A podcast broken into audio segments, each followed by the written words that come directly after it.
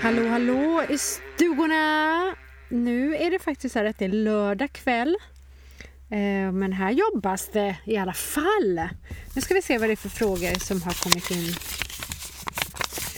Upp och ner var den dessutom. Eh, då ska vi se. Snabba klädbyten är vanliga när man uppträder.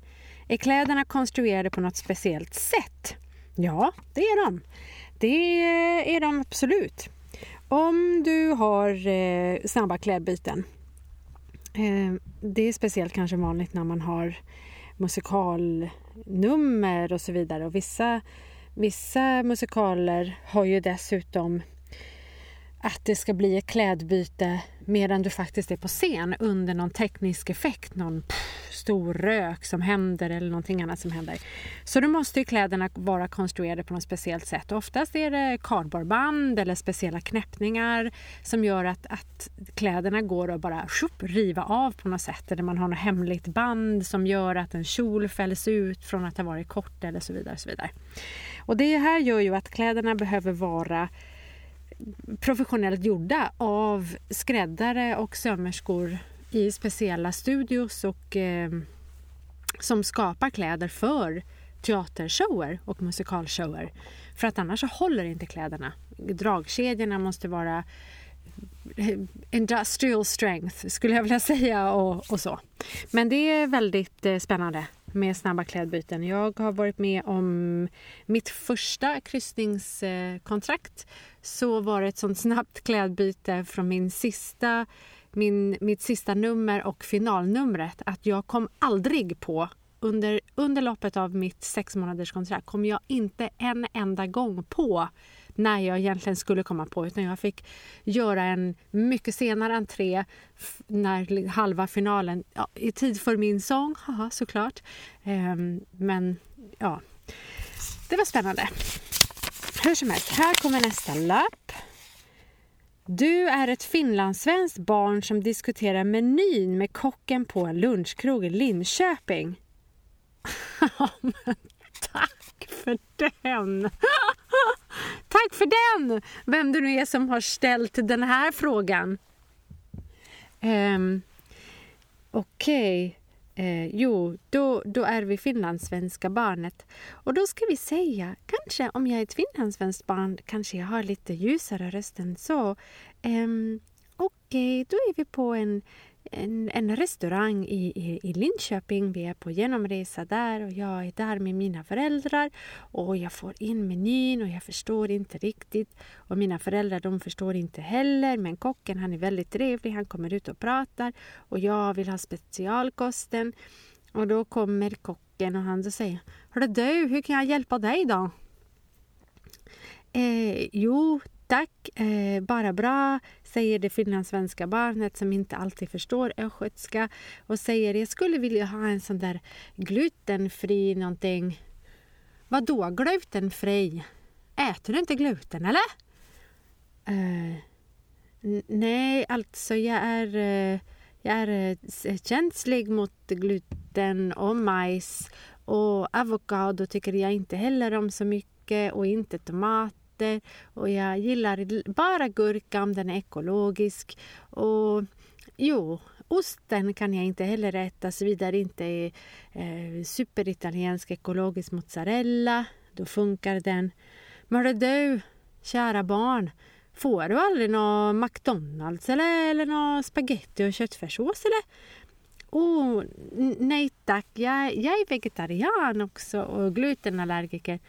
Hörru du, jag tror inte jag kan hjälpa dig. Tack du, hej! Mm. Det var min, eh, vad jag kunde göra där. Då ska vi se, nästa fråga. Hur viktiga är läpparna när man pratar och sjunger? Vad händer om de blir nerkylda om man sjunger utomhus till exempel? Mm, jag skulle vilja säga att läpparna och tungan och hela munnen egentligen. Men kanske just tungan och läpparna är ju viktiga för artikulationen. Så vill man kunna artikulera väl, kunna använda ljuden som man ska kunna göra eh, ha en tunga som faktiskt har muskler där man kan isolera. Jag slarvar lite till exempel så mina S låter ofta som S, lite som läspiga S. Eh, och det är någonting som jag har som är jag. Så att jag skulle säga att om man blir väldigt, väldigt kall och nerkyld, om det är så freezing att det är på vintern och man blir riktigt, riktigt kall så är det viktigt att man värmer upp. Eh, extremt viktigt att man värmer upp innan och, och möjligtvis även under själva konserten med kanske lite varmt te eller någonting sånt. Så att man ändå håller allting, för hela kroppen blir ju också kall om man är utomhus, tänker jag. Men vad händer om man blir nedkylda? Som med hela kroppen, om man står länge och är nedkyld så domnar ju kroppen till slut av och det är inte så bra faktiskt. Och vare sig för talet eller sången eller rent hälsomässigt. Så det ska man försöka undvika. Men vad som händer är väl kanske då att det blir inte lika välartikulerat om man har svårt att ehm, om man är lite bortdomnad. Tror jag. Jag har nog inte varit med om det. Jag får kalla händer och fötter och sådär. Men, mm. Då ska vi se. Berätta lite om loger. Eller är det vanligast att man byter om till exempel på toaletten? Hur ser det ut och vad har man i logen? Oj! Eh, är det vanligt att man byter om på toaletten? Det har jag nog bara behövt göra på såna privata tillställningar där det inte finns man är antingen hemma hos någon och då är det inte toaletten så utan det kanske är något gästbadrum eller, eller så. Eller jag vet att jag och vokalgruppen som jag sjunger med, Freeze Company, vi hade ett uppträdande på för en sån här vad heter de då, Lodge, som är Freemasons um, dinner. Och där hade de inte loger på den, i det huset där de hade sina middagar. Och då fick vi använda oss av mm, de toaletterna som fanns där, i det huset där de har sina middagar och sitt, där de håller till så att säga. Men det vanligaste är ju att det finns loger. Eller åtminstone ett område backstage bakom scenen som är tillägnat de som ska vara på scenen.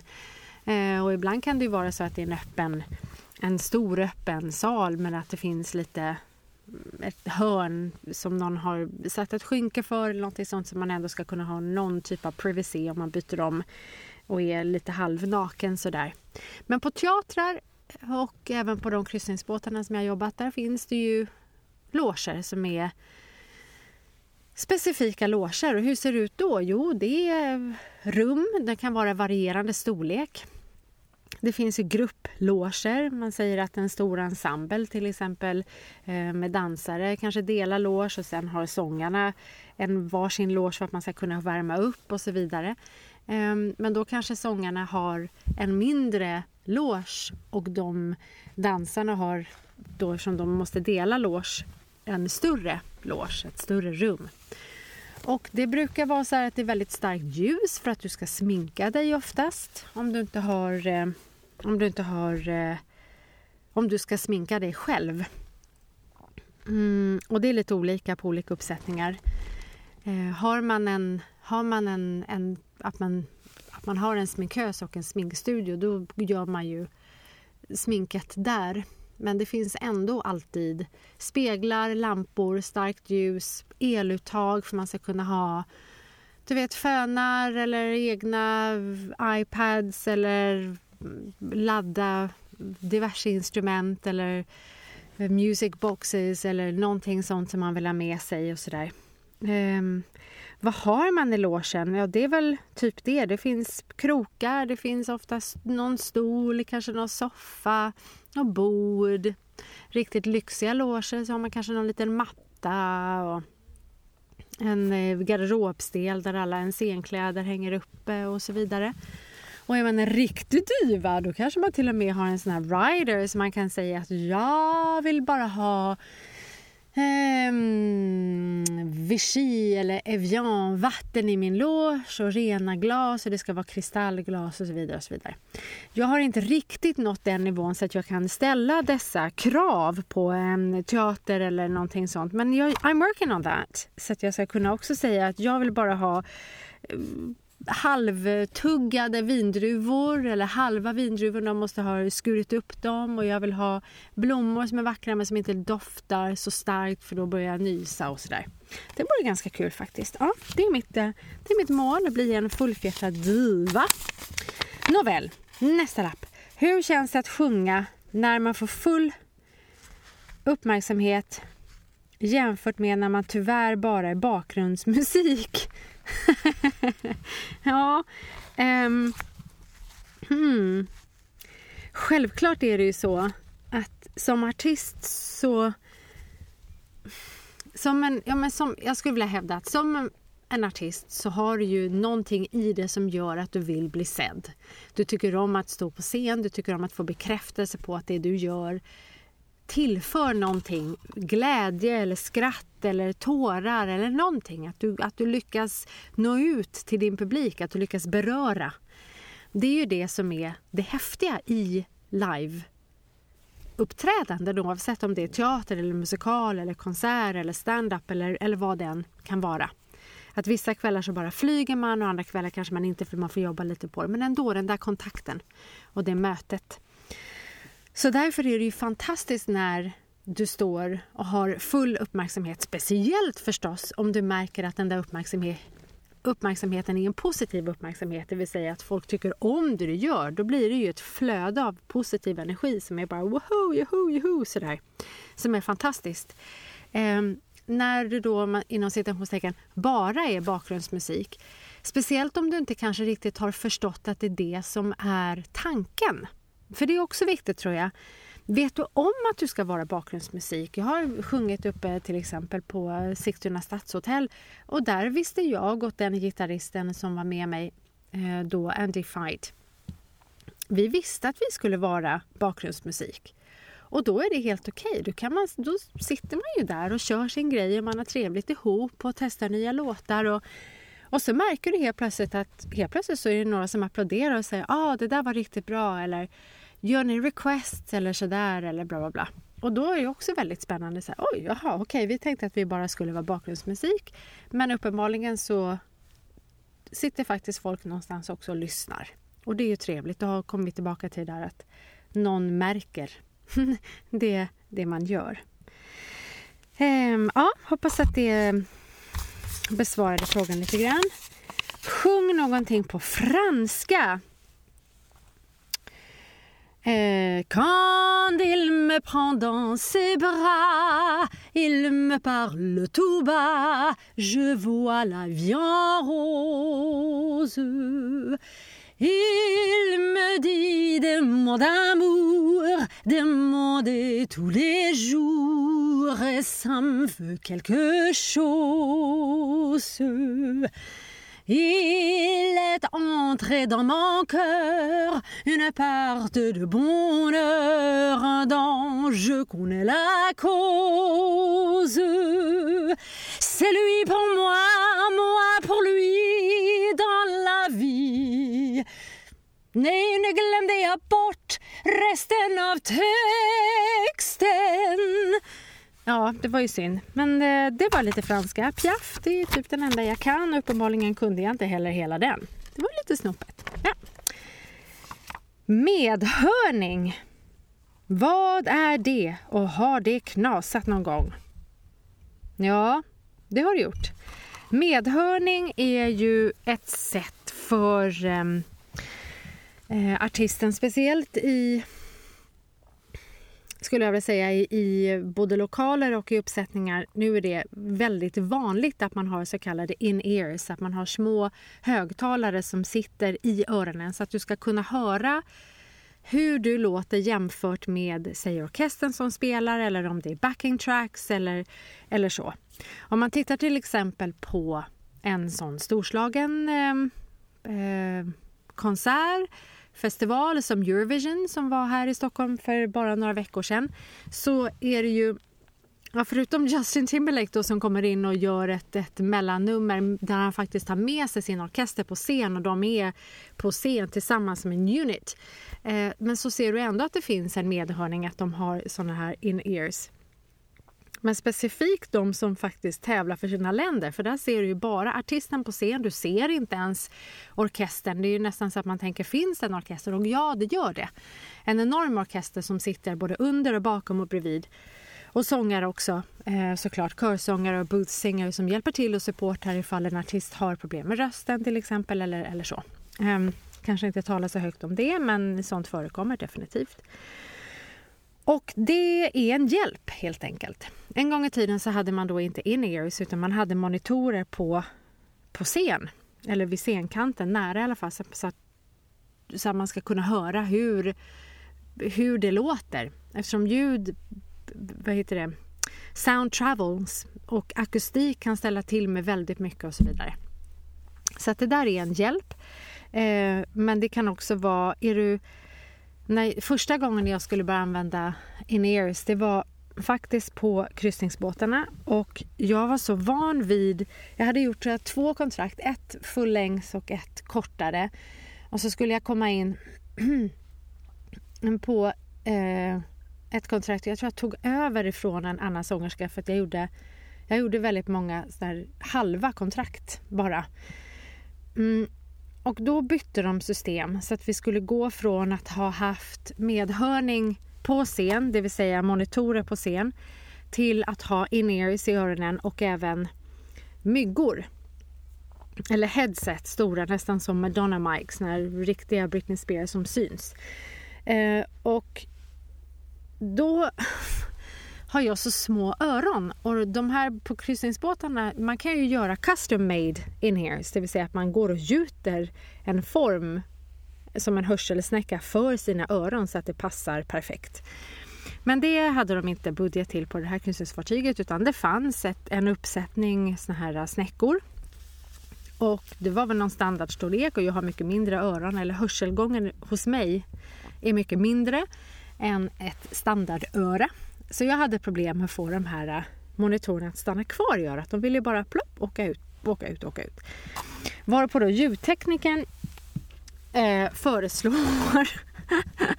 alltså nu så här i efterhand så tänker jag jävla korkat var inte det här förslaget. Men i alla fall. Han föreslår att vi ska tejpa de här monitorerna fast på mina öron.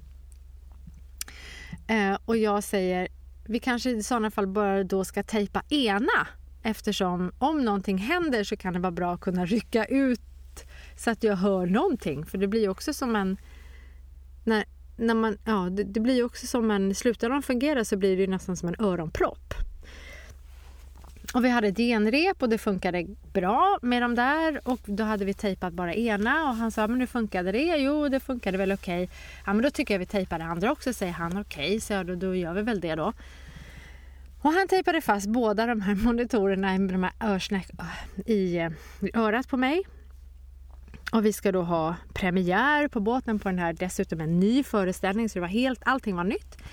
Och jag var den här föreställningen hette Dreamcatcher. Det var mm, eh, min kompis Faye, om hon någonsin lyssnar, du vet exactly what I mean.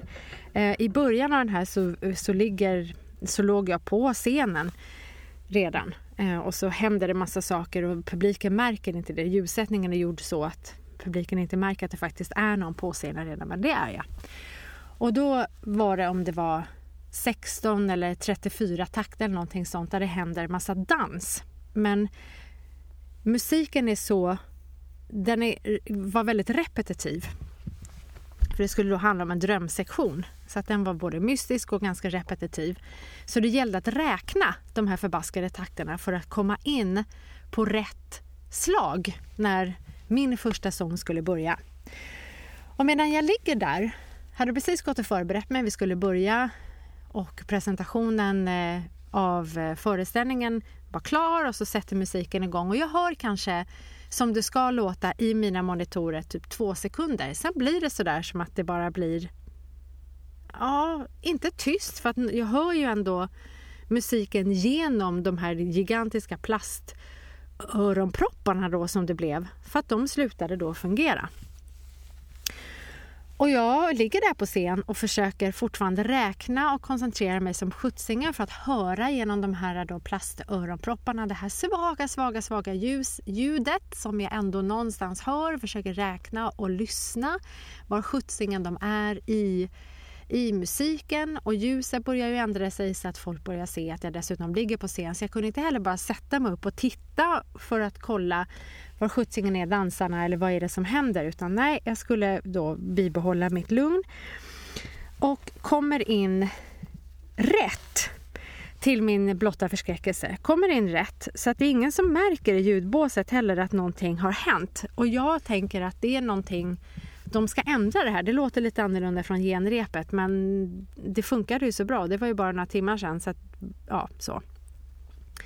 så jag fortsätter med det där eh, och sjunger som jag ska och jag märker att de jag sjunger med, det verkar inget konstigt där. Men sen springer jag av och ska göra ett sånt där famous very quick change och gör en snabb eh, kostymbyte, eh, heter det på svenska och kommer in och har tappat bort var jag är.